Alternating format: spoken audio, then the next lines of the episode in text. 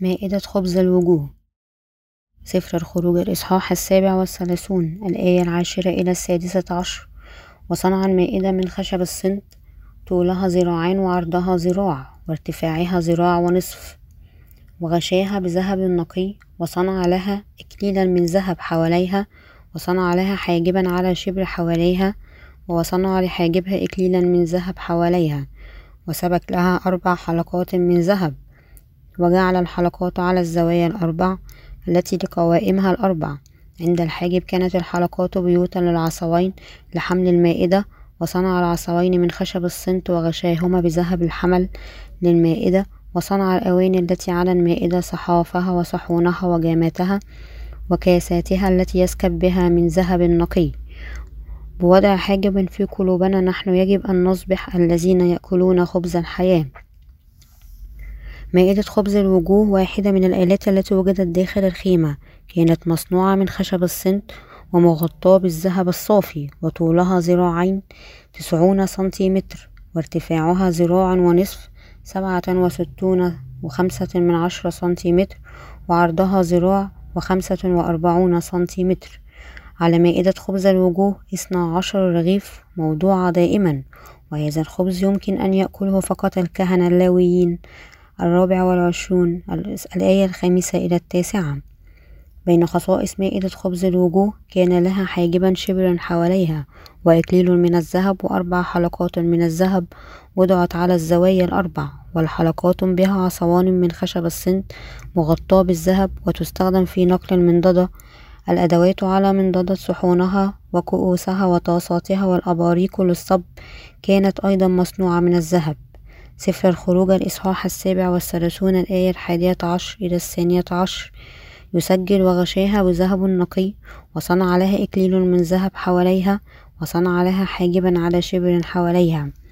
وصنع لحاجبها إكليل من ذهب حواليها مائدة خبز الوجوه في قدس بيت الله كان لها حاجبا شبر حواليها. وعليه إكليل من ذهب. لماذا أمر الله موسى أن يضع مثل هذا الحاجب؟ هذا الحاجب شبر أي يبرز حوالي عشرة سنتيمتر. كان ليمنع الخبز الذي على المنضدة من السقوط كما أن الكهنة فقط يمكن أن يأكلوا الخبز الموجود على مائدة خبز الوجوه وهكذا يجب أن نصنع نصبح الذين يمكنهم أن يأكلوا هذا الخبز روحيا. فقط أولئك الذين يخلصون من الخطية وينالوا حياة أبدية بواسطة الثقة بمعمودية يسوع المسيح ودم الصليب.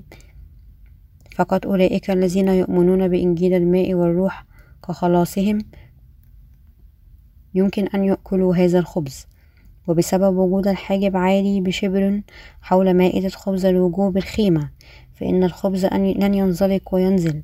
وفي كل السبت خبز طازج حار يوضع على المائدة. ويجب أن ننتبه لحقيقة أن الحاجب بشبر قد جعل حول مائدة خبز الوجوه وله إكليل من الذهب. إن حاجب مائدة خبز الوجوه يعلمنا أننا يجب أن نتمسك في قلوبنا بكلمة الحقيقة التي تجلبنا الخلاص ولذا ننال الحياة أبدية.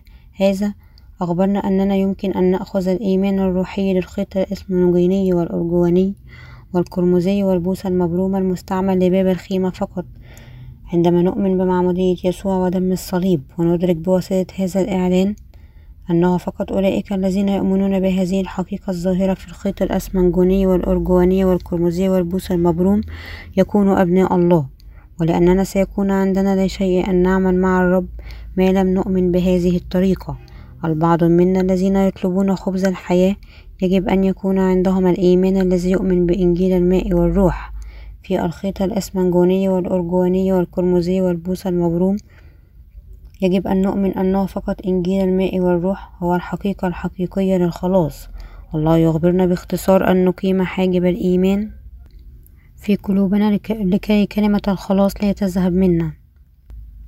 إنجيل الماء والروح هو الذي سلم إلينا من عمر الكنيسة المبكرة من عصر الكنيسة المبكرة. هذا إلى الوقت الحاضر. الله طهر آثام أولئك الذين يثقون بهذا الإنجيل ونحن يمكن أن نرى بأنه الآن كما سبق يخلص الله أرواح أولئك الذين يؤمنون بحقيقة إنجيل الماء والروح. نحن نخلص بواسطة أن نثق بالحقيقة الظاهرة في باب الخيمة. والله مكنا أن نعيش روحيا بواسطة أن نقيم حاجب في قلوبنا. وبإيماننا في إنجيل الماء والروح المعطى بواسطة الرب قد استلمنا حياة أبدية بواسطة إنجيل الحق الذي هو. نحن قادرون أن نشارك خبز الحياة مع الآخرين ونحن قد جئنا أيضا أن نخدم الأعمال المستقيمة لله. حتى عندما نؤمن بالإنجيل الماء والروح نفشل في التمسك بشكل صامد بحقيقة هذا الإنجيل ونفقده. إذا هذه ستغني لا شيء إلا خسارتنا للحياة في حد ذاته. نحن يجب أن نقيم حاجب الإيمان في قلوبنا بواسطة أن نكتز دائما بإنجيل الماء والروح بالإيمان. في قلوبنا يجب أن يكون الإيمان الذي يؤمن بالإنجيل الموجود في الخيط الأسمنجوني والأرجواني والقرمزي إذا الناس ما عندهم الإيمان في هذه الحقيقة إذا هم لا يمكن أن يخلص من أسامهم. هم لربما يصرون على أنهم يخلص بالتأكيد ولكن الآن لأن قلوبهم لا تثق بإنجيل الماء والروح الظاهر في الخيط الأسمنجوني والأرجواني والقرمزي هذا الخلاص هو بشكل مجرد ناقص. عدم الإيمان يؤمن بإنجيل الماء والروح كالحقيقة هي نفس خطية ترك الرب. خبز الحياة ليس فقط شيء ما الذي نحن من الضروري أن نملكه لكنه شيء ما الذي نحن يجب أن نضع في أفواهنا ونمضغه ونأكله ولذا يجعل حقيقتنا لنا. عندما نستمر بدون الإيمان بكلمة الله ونحملها في قلوبنا ثم حقيقة الخلاص ستختفي من قلوبنا بوقت قصير. أنت لربما تتساءل كيف إنه محتمل لك أن تفقد مثل هذا الخلاص. بينما أنت كنت مسبقا مخلص من الخطية لكن لسوء الحظ العديد من الذي يتمسكون بكلمات الله مع أنهم استلموا الحقيقة في البهجة في بادئ الأمر سينتهون مائتين لأنهم ما عندهم جزر الإيمان في الإنجيل الحقيقي. بخصوص هذه المسألة تكلم يسوع عن أربع أرضيات مختلفة للقلب في مثل الزارع متى الإصحاح الثالث عشر الآية الثالثة إلى التاسعة والثمانية عشر الآية الثالثة والعشرون؟ في هذا المثل بذور حقيقة الله قد بذرت في أربع أرضيات مختلفة في قلوب البشرية. أولا على الطريق الثاني على الأماكن المحجرة. الثالث كانت الأرض الشائكة. والرابع كانت الأرض الجيدة. البذور التي بذرت على الأرضيات الثلاثة الأولى فشلت في أن تثمر وفقط تلك التي سقطت على الأرض الرابعة التي هي جيدة حملت ثمار. هذه يعني أن العديد من الناس يمكن أن يفقدوا خلاصهم وسط الطريق مع أنهم سمعوا مرة وقبلوا إنجيل الماء والروح. الإنجيل الحقيقي للخلاص في حد ذاته. نحن يجب أن نتذكر بأنه إذا تربة قلوبنا ليست جيدة إنه محتمل لنا أن نفقد خلاصنا الذي الرب قد أعطانا إذا في قلوبنا نؤمن بالخلاص الذي قد جاء بالخيط الأسمنجوني والأرجواني والقرمزي. ثم تربة قلوبنا يمكن أن تكون جيدة ولكن في بعض الأوقات نرى أن بأن بعض الناس يفقدون خلاصهم من ضعفهم. أن يتمسكوا بإيمانهم كنتيجة لأنه لا توجد جذور لكلمة الله فيهم. ولهذا نحن يجب أن نبقى في كنيسة الله ونأخذ خبز الحياة كل يوم. وننمو في الإيمان بالحقيقة الظاهرة في الخيط الأسمنجوني والأرجواني والقرمزي والله يربينا كل يوم لكي إيماننا ينمو. نحن يجب أن نؤكد في قلوبنا كل يوم مغفرة الخطية التي نحن قد استلمناها. الحقيقة التي يجب أن توجد في داخل قلوبنا هي خلاص إنجيل الماء والروح الظاهر في الخيط الأسمنجوني والأرجواني والقرمزي والبوص المبروم. حقيقة الخلاص هذه. في قلوب أولئك الذين نالوا مغفرة الخطية بواسطة أن نجدد إيماننا في هذا الإنجيل الحقيقي. نحن يمكن أن نعيش يوما بعد يوم كأبناء الله. في حد ذاته حتى أولئك الذين يؤمنون بإنجيل الماء والروح يجب أن يكتروا أيضا كل يوم بإنجيل بر الله الظاهر في الخيط الأسمنجوني والأرجواني والقرمزي والبوصة المبروم ويؤكدوا إيمانهم كل يوم. لماذا؟ لأن إذا نحن لا نتمسك دائما بإنجيل الماء والروح بشكل صامد ونؤكده إذا نحن لربما نفقده بأي وقت. نحن يجب أن نتذكر دائما ما قاله كاتب العبرانيين للشتات اليهودية. لذلك يجب أن ننتبه أكثر إلى ما سمعنا لئلا نفوته. عبرانيين الإصحاح الثاني الآية الأولى. اليوم حتى بين أولئك الذين يعرفون إنجيل الماء والروح نرى بأن هناك العديد منهم يبهت إيمانهم في الإنجيل بينما يمر الزمن. هذا لأنهم مع أنهم وثقوا بإنجيل الماء والروح مسبقا فشلوا في أن يأكلوا خبز الحياة بشكل مستمر في, مع في القدس. ونتيجة لذلك قلوبهم لم تنقى بالإيمان الحقيقي. هناك العديد من الذين يخدمون الشيطان في هذا العالم الذين هم يحاولون أن يقتلوا المستقيم بواسطة تغذيته بالخبز المخمر. بعبارة أخرى تعليمات جسدهم الخاص إذا الإنجيل الباطل يقدم في كنيسة الله. ثم الحقيقة تصبح مخلوطة بالأكاذيب. محولين المؤمنين إلى أناس لا تقبل بواسطة الرب. مثل هذا الشعب يعرف الحقيقة ولكن لا يؤمن بسبب فشلهم أن يرفع حاجب الإيمان. وهكذا ينتهون كأحد الذين هم لم يعد يخلصون كلية من الخطية. أمثال الثاني والعشرون الآية الثامنة والعشرون قال لا تنقل التخم القديم الذي وضعه آباؤك. إنه إذا مهم بشكل حرج لنا أن لا نزيل تخم إيماننا. نحن يجب بوضوح أن يكون لنا إيماننا الحقيقي وندافع عنه حتى يعود ربنا. فقط عندئذ يمكن أن نتغذى على خبز الحياة. فقط عندئذ يمكن أن الرب يسكن في مركز قلوبنا ويمكن أن يكون لنا حياة أبدية بغض النظر كم يعطينا الله خبزه كثيرا. إذ نحن لا نقدر ثمنه ونفشل في التمسك به في قلوبنا ونزيل حاجب قلوبنا ونترك خبز الحياة يذهب من المائدة. نحن إذا سننتهي أن تحول أبناءنا للدمار بعض منا الآن استلموا مؤخرا مغفرة الخطية بينما الآخرين منذ عقود منذ أنهم سمعوا إنجيل الماء والروح غفرت آثامهم. حيث أنك تسمع كل يوم حول كلمة إنجيل الماء والروح سيكون محتملا أن بعضا منا ربما يتعبون حالما. تذكر كلمة ماء في إنجيل الماء والروح ولكن ما زال نحن يجب أن نستمر أن نأكل خبز الإنجيل الحقيقي. لأي مدة يجب أن نحمد نحن نعمل هذا؟ حتى يوم عودة الرب.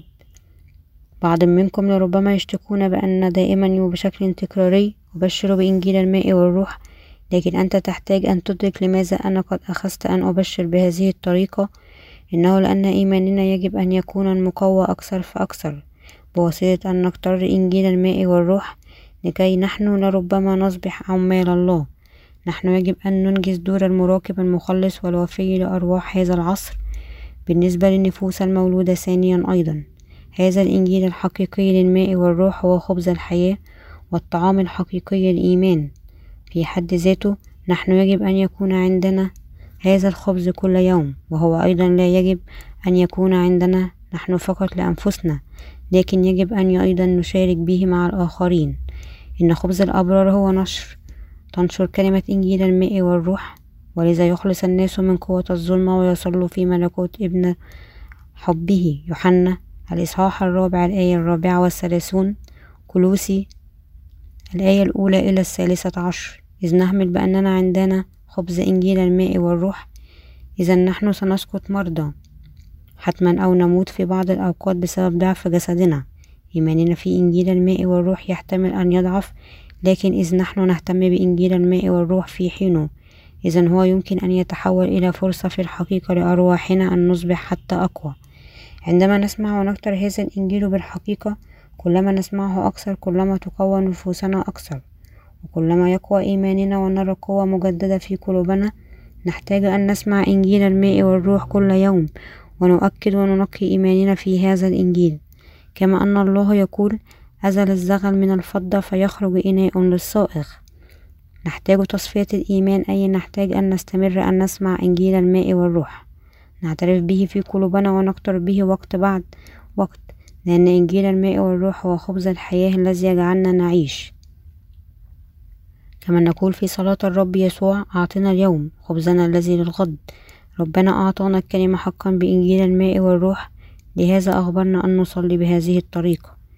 عندما نأتي للخلاص بمعرفة بمغفرة الخطية الذي الله أعطانا يجب أن نجعله واضحا. كيف كان إيماننا قبلما نحن نخلص من الخطية؟ قبل أن عرفت هذه الحقيقة.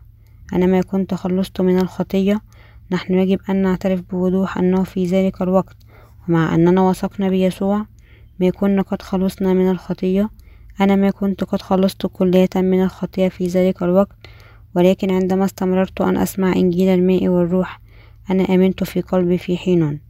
ومع أنني قد آمنت بيسوع ليكون منقذي من قبل. خلاصي ما سبق أن كان تام حتى ذلك الحين ولكن الآن بواسطة سماع الإنجيل الحقيقي للماء والروح. أنا خلصت حقا. أنا يمكن أن أثق بالإنجيل حقا للماء والروح وأنا أثق به حقا. إنه فقط عندما تدرك وتؤمن أن الرب خلصك كلية من الخطية بمعموديته ودم الصليب هدية الخلاص الحقيقية هذه تنحدر على قلبك من السماء. إنجيل الماء والروح المعلن في الكتاب المقدس مختلف عن الإيمان الذي كان عندنا من قبل. نحن في ذلك الوقت وثقنا بإنجيل ودم الصليب فقط. بدلا من الإنجيل التام للماء والروح. الإيمان فقط بالصليب والإيمان بإنجيل الماء والروح لربما يظهران متشابهان في بادئ الأمر ولكن الإثنان مختلفان بالكامل في النهاية. الخلاف الواضح هو أن أولئك الذين يؤمنون بدم الصليب لا يخلصون بينما أولئك الذين يؤمنون بإنجيل الماء والروح يخلصون من كل آثامهم وفي حد ذاته أرواحهم مختلفة بشكل واضح. لكن الشعب العادي لا يدرك هذا مع أن الإنجيليين لربما يظهران متشابهان هناك فجوة عظيمة في الإيمان بين الاثنين التي لا يمكن أن تلخص عندما الخلاف الصغير بين سواء نؤمن أم لا بمعمودية يسوع هو ما يجعلنا ننال أو نفقد حياة أبدية. إذا نحن يمكن فقط أن نعترف بأن هناك خلاف بين هذين الإيمانين الذي لا يمكن أن يحازيا نحن يجب أن نعرف بالضبط ما هو الإيمان الذي يخلصنا من الخطية لنخلص من الخطية ويجب أن نثق بإيمان الماء والروح. هذا الإنجيل الماء والروح هو حقيقة مغفرة الخطية.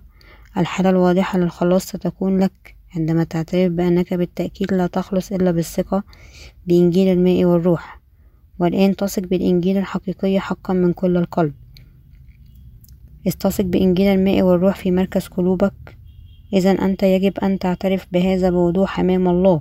أنك استلمت مغفرة آثامك بواسطة سماع والإنجيل الإيمان بإنجيل الماء والروح. إذا أنت قد وثقت بالحقيقة لإنجيل الماء والروح إذا أنت يمكن أن تجد دليله بشكل واضح في قلبك. نحن يجب أن نمتحن إيماننا بشكل حذر أمام الله. هناك بالتأكيد لا خزي في امتحان إيماننا. إذا أخذت خمسة سنوات منذ أنت أولا وثقت بيسوع لتأتي لتثق بإنجيل الماء والروح في مركز قلوبك ليس هناك الخجل من كل هذا. إذا أخذك سنة عشرة سنوات لتخلص ليس هناك خزي في هذا. وإذا أخذت حتى عشرون سنة لتخلص هناك ما زال بالتأكيد لا خزي في هذا. بالعكس إنها بركة. وعلى أي حال الحقيقة هو أنك تخلص من الخطية ولكن الروح القدس الذي يفحص كل الأشياء لا يمكن أن يوافق على إيمانهم لأنهم لا يرسمون كل الأشياء ولا يرسمون خط واضح للخلاص بصدق. إنه أعقل كثيرا حتى الآن أن نضع خط حد لخلاصنا بوضوح لأننا لا نعرف اليوم المضبوط الذي فيه نحن خلصنا لكن ما هو مهم أن نميز بوضوح بين قبل وبعد خلاصنا. أبائنا بالإيمان وثقوا بنفس الإنجيل الذي نؤمن به الآن أيضا.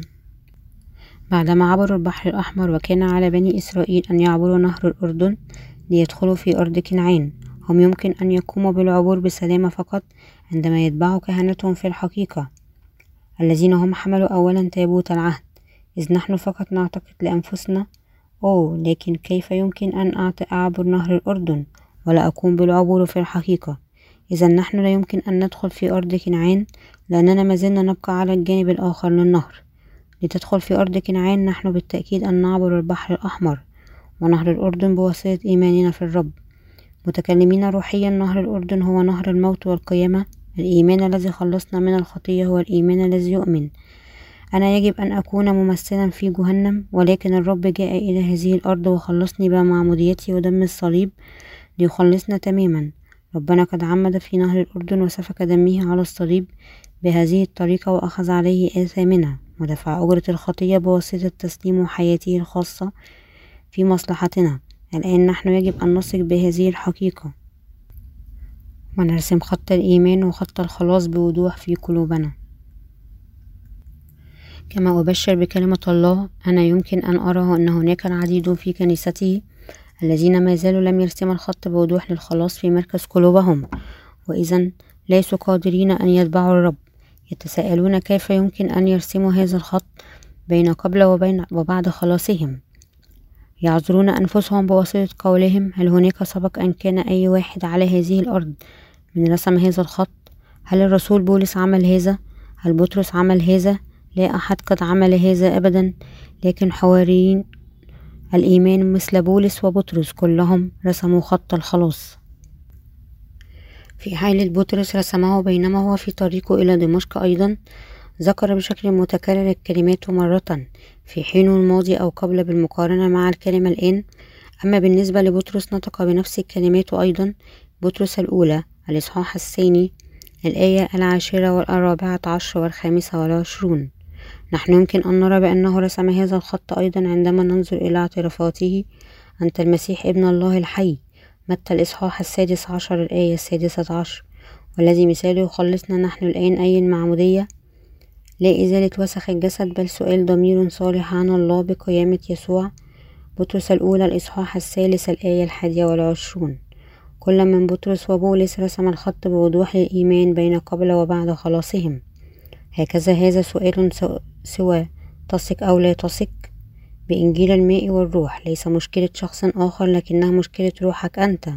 خدام الله في الكتاب المقدس تكلموا عن مشكلة الخطية. لأن هذه هي مشكلة مهمة بشكل حرج لكل منا. نحن أنفسنا يجب أن نحلها بواسطة الإيمان عندما نؤمن بإنجيل الماء والروح. لذا نحل مشكلة الخطية من مركز قلوبنا. الله يسر بشدة. هل تريد أن تسر الله؟ إذا كل الذي أنت يجب أن تفعله هو أنك تتعرف بشرك بشرك وتحل هذه المشكلة. يسوع قال فكل ما تربطه على الأرض يكون مربوطا في السماوات وما تحل على الأرض يكون محلولا في السماوات. متى الإصحاح السادس عشر الآية التاسعة عشر؟ ومن جانبنا يجب أن نعترف أولا يا الله قد خلصتني بالماء والروح في مركز قلبي. أثق بحقيقة إنجيل الماء والروح وليس هناك شك في أن الرب خلصني خلال إنجيل الماء والروح. نحن كلنا يجب أن نقبل إنجيل الماء والروح في قلوبنا. وأنا أثق في هذا الإنجيل لأنه الحقيقة ولأن الرب رفع أسامي أكثر من الخطية من الكفاية. أثق بهذا الإنجيل. أنا لم أخلص بواسطة الإيمان عندما نحن هكذا نعترف ونؤمن بالإنجيل المعطى بواسطة الرب. إذا الله يخبرنا أن أوافق على إيمانك. عندما الله أعطانا الحقيقة مسبقا للماء والروح يمكن أن يخلصنا تماما. إذا نحن من جهتنا لا نرسم خط الخلاص ونقبل هذا الخلاص بواسطة أن نؤمن بهذه الحقيقة. إذا الله من جهته لا يمكن أن يتعرف علينا ولا يخلصنا أيضا لأن الله يعاملنا بالشخصية وليس بشكل إلزامي. هل نرفض كل الأناجيل الأخرى إلا الإنجيل بالماء والروح كباطل؟ أو نعتقد بأنه حتى مثل هذا الإنجيل الباطل ما زال مفيد وأنه ليست هناك حاجة أن تتخلص منهم. نحتاج أن نمتحن أنفسنا ونرى كيف بالضبط نؤمن. دعنا نفترض للحظة أننا وقعنا على كومة العدد المستعملة والإلكترونيات. دعنا نفترض فرضا آخر بأننا جلبنا بعضهم للبيت معتقدين أنه يمكن أن يكون منها ما له فائدة ولكن وجدنا أنه لا شيء منها يعمل وأنهم كانوا كلهم بدون فائدة. هل يجب إذا أن نحفظهم أم نتخلص منها؟ بمجرد أن نقرر أنهم لا فائدة بالطبع نحن يجب أن نتخلص منها. عندما تصل أن لا شيء ما ليس مفيد لكم وليس أصيل بالمرة إذا أنت يجب أن تعرف أيضا أنك يجب أن تتخلص منه بشكل حازم. إذ هكذا نحن يجب أن نتصرف في بناء على القضية الدنيوية. كيف يجب أن نحن إذا نتصرف؟ متى يجيء إلى قضيتنا الروحية؟ ويجب أن نكون حتى أكثر حزما في رفضنا الأكاذيب في قضيتنا الروحية ويجب أن نرسم خط واضح يميز إيماننا بإنجيل الماء والروح. من الإيمان الباطل الذي يؤمن فقط بدم الصليب ويجب أن نتعرف على أن الإيمان بدم الصليب لا يمكن أن يجلب لنا الخلاص ويجب أن نرمي هذا المذهب المكسور بشكل حازم.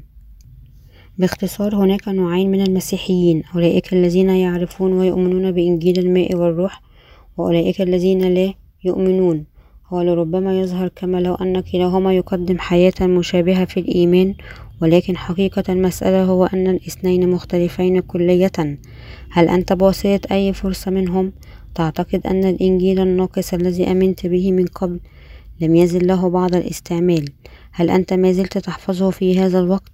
معتقدا أنه يمكن أن يفيدك في بعض الوقت بعد ذلك. مثل هذا الإيمان هو الإيمان باطل. شيء ما الذي قد جاء به الأفكار البشرية ولذا أنت يجب أن تترك كل المتاع القديم لماضيك. إنه لأنك ما زلت لا ترمي ما هو غير صحيح وأكاذيب أنك عندك مشاكل في مركز قلبك. أنصحك أن تتذكر كلمته فرائدي تحفظون لا تنس بهائمك جنسين وحق وحقلك لا تزرع صنفين ولا يكن عليك ثوب مصنف من صنفين لوين الإصحاح التاسع عشر الآية التاسعة عشر. لندخل في القدس. نحن يجب أن ندخل فقط خلال بابه. بأي مادة صنع باب الخيمة؟ كان منسوجا من خيط الإسمنجوني والأرجواني والقرمزي والبوص المبروم. أولئك الذين ولدوا ثانيا من الماء والروح يجب أن يفتحوا هذا الباب للخيمة ويدخلوا في القدس. تحت أعمدة باب الخيمة قواعد نحاسية وضعت. وهذه القواعد النحاسية تجعلنا نعترف أن إنجيل الماء والروح هو حقيقة الخلاص. يعلموننا أنه مع أننا ليس عندنا اختيار إلا أن نكون مدينين بواسطة الله وأن نموت من أجل أثامنا بواسطة نوال بركة الولادة الثانية من الماء خلال إنجيل الماء والروح. أصبحنا شعب الله ويمكن أن ندخل في الخيمة فقط عندما نترك التصور المخطئ أي من ألوان الخيوط الأربعة المستخدمة يمكن أن نخلص بواسطة الإيمان فقط في خدمة يسوع الظاهرة في الخيط القرمزي وحده. ما لم نرمي أفكارنا الأنانية والإيمان نحن لا يمكن أن نثق بالخلاص الظاهر في الخيط الأسمنجوني والأرجواني والقرمزي ويجب أن نتعرف على أن الحقيقة الظاهرة في الخيط الأسمنجوني والأرجواني والقرمزي هي إنجيل الماء والروح. ويجب أن نعترف بمغالطة أفكارنا الأنانية أننا نؤمن فقط بدم الصليب. إن الله راغب إذا هو سيقودك لحقيقة إنجيل الماء والروح وأولئك الذين يؤمنون بهذه الحقيقة لإنجيل الماء والروح. يمكن أن ينالوا غفران أثامهم وينالوا حياة أبدية عندئذ يمكن أن يفتحوا باب الخلاص. إذ نفشل في أن نعرف مغالطة إيماننا القديم قبل أن نعرف إنجيل الماء والروح. إذا نحن نعاني عقاب الخطية لأننا لن نكون قادرين أن نخلص. إذا هذا حدث أنت لا يمكن أن تدخل حتى في القدس وتأخذ خبز الحياة. أنتم يجب أن تدركون أن الرب جعلكم أبناء الله بواسطة تطهير آثامهم بمعموديته. الخيط الأسمنجوني بواسطة تحمل دينونة آثامكم بإراقة دماء الصليب. الخيط القرمزي يجب أن تدركوا بوضوح وتأمنوا أن إنجيل الماء والروح هو حقيقة ضرورية بالتأكيد. أنتم يمكن أن تأتوا في كنيسة الله وتشاركوا خبز الحياة. مع الأبرار عندما تعرفون أن الله الواحد أعطاكم إنجيل الماء والروح عندما تثقون بهذا الإنجيل. إن جسد الرب هو خبز الحياة ومغفرة الخطية. دعونا نرى يوحنا الإصحاح السادس الآية التاسعة والأربعون إلى السادسة والخمسون. أباؤكم أكلوا المن في البرية وماتوا وهذا هو الخبز النازل من السماء لكي يأكل منه الإنسان. ولا يموت أنا هو الخبز الحي الذي نزل من السماء. إن أكل أحدا من هذا الخبز يحيا إلى الأبد والخبز الذي أنا أعطي هو جسدي الذي أبذله من أجل حياة العالم. فخاصم اليهود بعضهم بعضا قائلين كيف نقدر هذا أن يعطينا جسده؟ لنأكل. فقال يسوع الحق الحق أقول لكم إن لم تأكلوا. جسد ابن الإنسان وتشربوا دمه فليس لكم حياة فيكم. يسوع قال بأن من يأكل جسده ويشرب دمه له حياة أبدية وهذه الفقرة تعني أننا يجب أن نأكل جسد يسوع ونشرب دمه.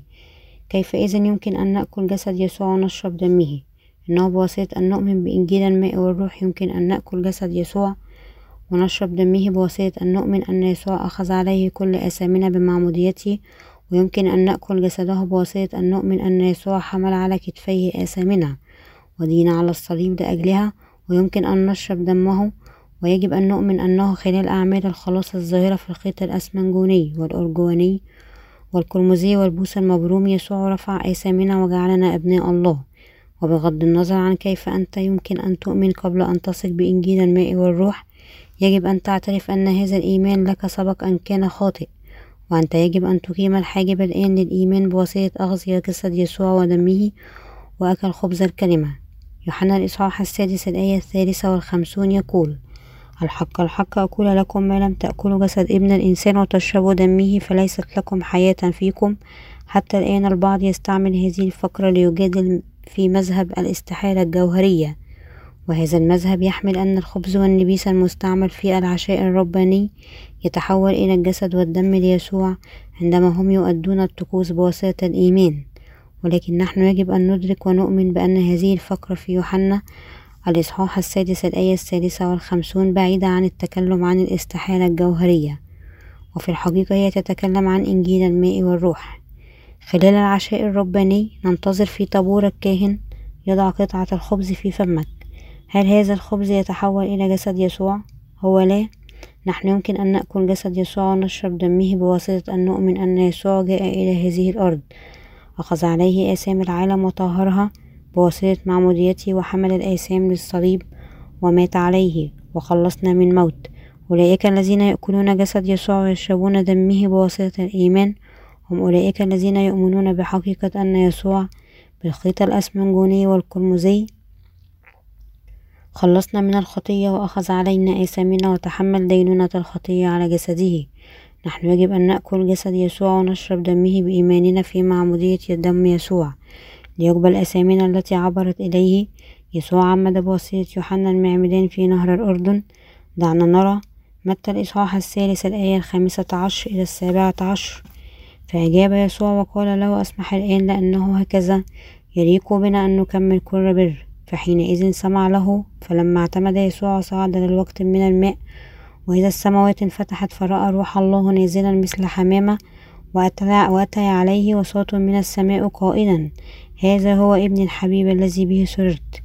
إنه لأن يسوع أخذ عليه الآثام عندما هو قد عمد بواسطة يوحنا ومات على الصليب.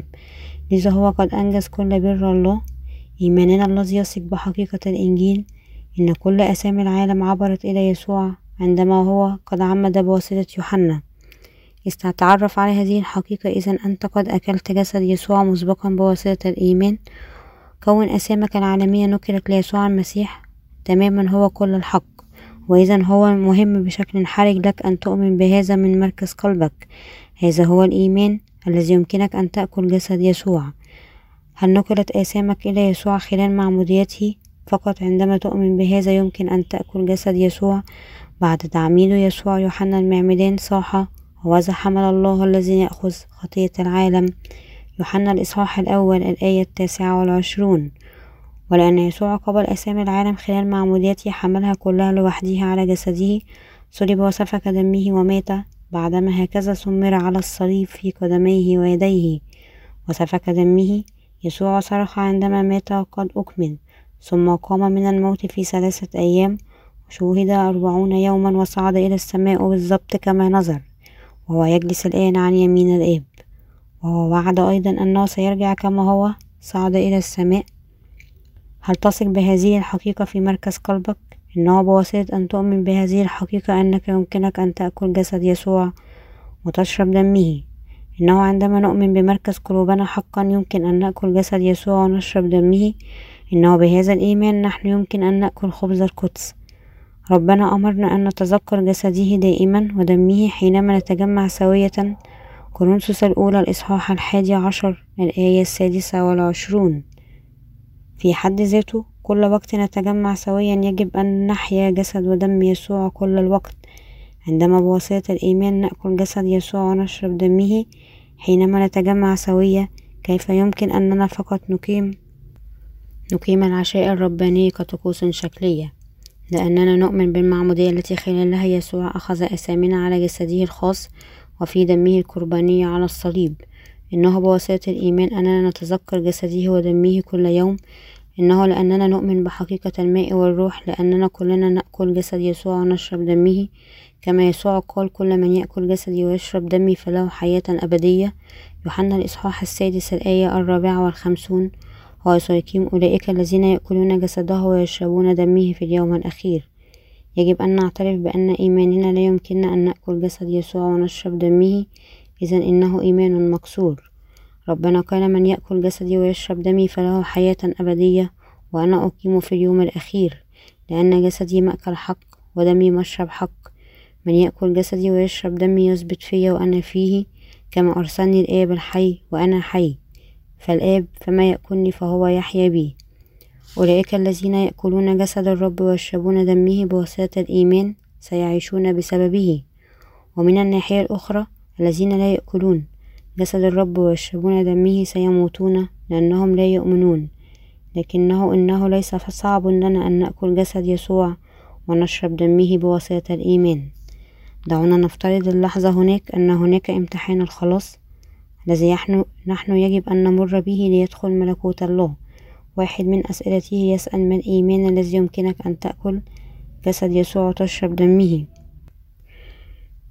كيف يجب أن تجيب على هذا السؤال عندما كل من جسد ودم يسوع يكونان الحقيقة؟ هل يمكن أن نقول بأننا نأكل جسده؟ بينما في الحقيقة نحن نشرب دمه. نحن يجب أن نكتب كل المعمودية وصليب يسوع كجوابنا نحن يمكن أن ندخل ملكوت السماوات فقط عندما نأكل جسد يسوع ونشرب دمه. حتى إذا نحن جحدنا وأسأنا الفهم من قبل نغير قلوبنا ونأكل جسد يسوع ونشرب دمه ويمكن إذا أن نغير أن نعبر الاختيار. إذ نؤمن بجسد ودم يسوع في هذه اللحظة. ينظر الناس إلى المظهر الخارجي ولكن الله ينظر لمركز القلب وعندما نؤمن بكلتا معمودية يسوع ودم الصليب إذا نأكل جسد يسوع ونشرب دمه. ينظر الله إلى مركز قلوبنا ليرى إذ نحن حقا عندنا الإيمان في جسد ودم يسوع في قلوبنا. إذ نحن لا نؤمن بجسد ودم يسوع في مركز قلوبنا. إذا نحن لم نخلص من الخطية بغض النظر كيف أنت كان يمكن أن تؤمن من قبل. إذا أنت الآن عندك الإيمان الذي يؤمن بكل جسد ودم يسوع أنت يمكن إذا أن تدخل ملكوت السماوات. العديد من المتدينين هذا العالم يناقشون بشكل لا نهائي على صدق مذهب الاستحالة الجوهرية. ما نحتاجه حقا في الحقيقة هو الإيمان الذي يمكننا أن نأكل جسد يسوع ونشرب دمه. لكن هذا محتمل فقط عندما نؤمن بإنجيل الماء والروح في قلوبنا الوثوق بيسوع في مركز قلوبنا خلال إنجيل الماء والروح يجعلنا نأكل الخبز الحقيقي والشرب الحقيقي. نحن يجب أن نثق بمعمودية ودم يسوع كمغفرة الخطية لنا. ربنا قال دمي مشرب حق. يوحنا الإصحاح السادس الآية الخامسة والخمسون. ربنا يحمل دينونة الخطية على الصليب. الإيمان الذي يؤمن أن يسوع أخذ عليه آثامنا بواسطة معموديته وسفك دمه على الصليب هو الإيمان. الذي يمكننا أن نشرب دم يسوع خلال المعمودية التي استلمها من يوحنا. يسوع أخذ عليه كل آثامنا بضمن ذلك تلك أبنائك والديك وكل واحد وشخص منا وبواسطة سفك دمه على الصليب. حمل دينونة كل هذه الآثام. بمعموديته ودمه يسوع حل كل مشاكلنا بالخطية. لكل شخص في هذا العالم معتقدين أن يسوع هكذا أخذ عليه آثامنا بمعموديته وأدين لآثامنا بدمه على الصليب. في عالم اليوم هناك العديد من الذين يقول بأن لا يثقون بإنجيل الماء والروح فقط بكلماتهم ولكنهم لا يثقون كلية بجسد ودم يسوع. أي واحد الذي ما عنده الإيمان الكامل الذي يؤمن بجسد ودم يسوع لا يمكن أن ينال غفران الخطية. أنت كان يمكن أن تؤمن من قبل أن دم الصليب كان الحقيقة الوحيدة ولكن الآن لأنك وجدت الحقيقة الحقيقية أنت يجب أن يكون عندك الإيمان الذي يؤمن بوضوح بجسد ودم يسوع. فقط عندئذ سيتعرف الله عليك كما يخلصك لكن إذا من الناحية الأخرى أنت لا ترسم الخط الواضح للخلاص في هذه القضية. أي على مغفرة الخطية التي استلمتها بواسطة الإيمان الذي يؤمن بجسد ودم يسوع في مركز القلب. إذ أنت لا يمكن أن يوافق على إيمانك بواسطة الله. ربنا قال من يأكل جسدي ويشرب دمي يسكن فيا وأنا فيه يوحنا الإصحاح السادس الآية السادسة والخمسون. لكن ما لم نأكل جسد يسوع ونشرب دمه بواسطة الإيمان لا يمكن أن ندخل في حضور الله. وأي واحد الذي لا الذي ما عنده هذا الإيمان يؤمن بجسد ودم يسوع لا يمكن أن يسكن في الرب. إنها أمنيتي المخلصة لإلا أحد بين القديسين العمال وخدام الله في كنيستنا سيسقطون بشكل مأساوي من هذا الإيمان الذي يؤمن بجسد ودم يسوع.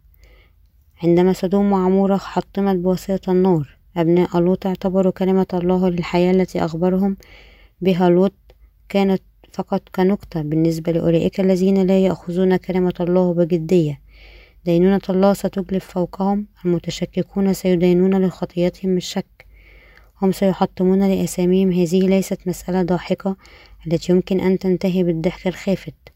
إنجيل الماء والروح يشير للإيمان بجسد ودم يسوع إنه بواسطة أن نؤمن بهذه الحقيقة ننال غفران آثامنا وننال حياة أبدية.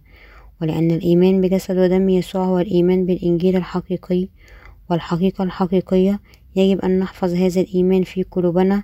بواسطة أولا أن نقيم حاجب الإيمان عالي في قلوبنا ويجب أن نتمسك بأحكام بكل كلمات الله ونسمح لها أن تذهب منا.